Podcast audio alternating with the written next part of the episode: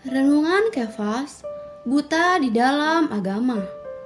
Yohanes 9 ayat 3 mengatakan, Jawab Yesus bukan dia dan bukan juga orang tuanya, tetapi supaya pekerjaan-pekerjaan Allah dinyatakan di dalam dia.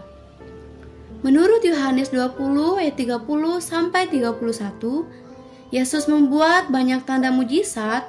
Dari semua tanda mujizat ini, penulis hanya memilih sembilan tanda mujizat.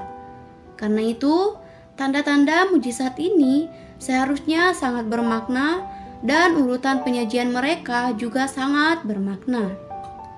Dalam kelompok peristiwa yang terakhir, dosa diletakkan di tempat pertama di antara perkara-perkara negatif lainnya. Karena dosa merupakan asal kebutaan dan kematian, kebutaan berasal dari dosa dan kematian merupakan akhir dari dosa. Dalam berita ini, kita akan membahas masalah kebutaan. Dalam Yohanes 9 ayat 1 sampai 2, murid-murid bertanya mengenai dosa siapakah yang membuat seseorang terlahir buta. Pertanyaan ini diajukan oleh murid-murid sesuai dengan pengetahuan keagamaan mereka. Mereka mengira bahwa kebutaan pasti disebabkan oleh dosa orang itu atau dosa orang tuanya. Pertanyaan ini sama dengan pertanyaan dalam Yohanes 4 ayat 20 sampai 25 dan pasal 8 ayat 3 sampai 5, yaitu tentang benar atau salah. Milik pohon pengetahuan hasilnya adalah kematian. Tetapi jawaban Tuhan dalam Yohanes 9 ayat 3 memalingkan mereka kepada dirinya sebagai pohon hayat.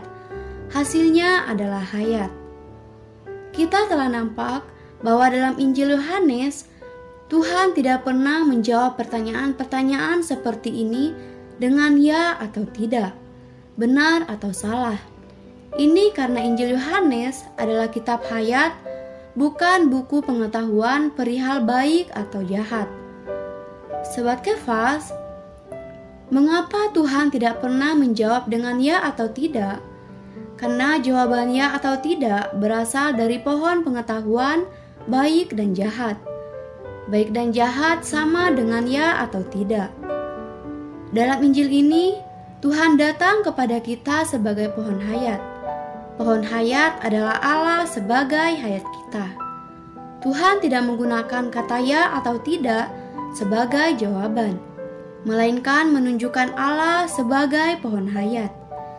Jawaban Tuhan dalam Yohanes 9 ayat 3 membawa murid-muridnya secara langsung kepada Allah, yaitu membawa mereka kepada pohon hayat. Pada saat itu, murid-murid masih sangat agamawi.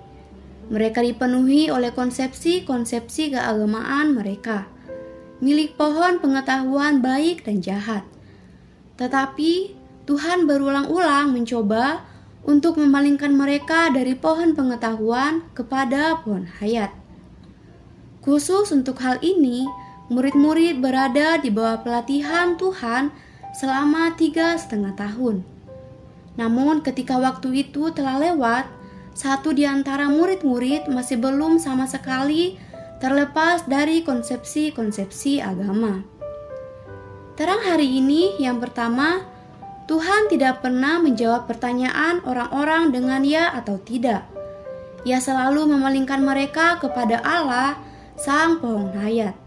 Yang kedua, ketika kita masih sebagai orang-orang berdosa, kita kehilangan penghilangan kita dan tidak dapat melihat apa pun.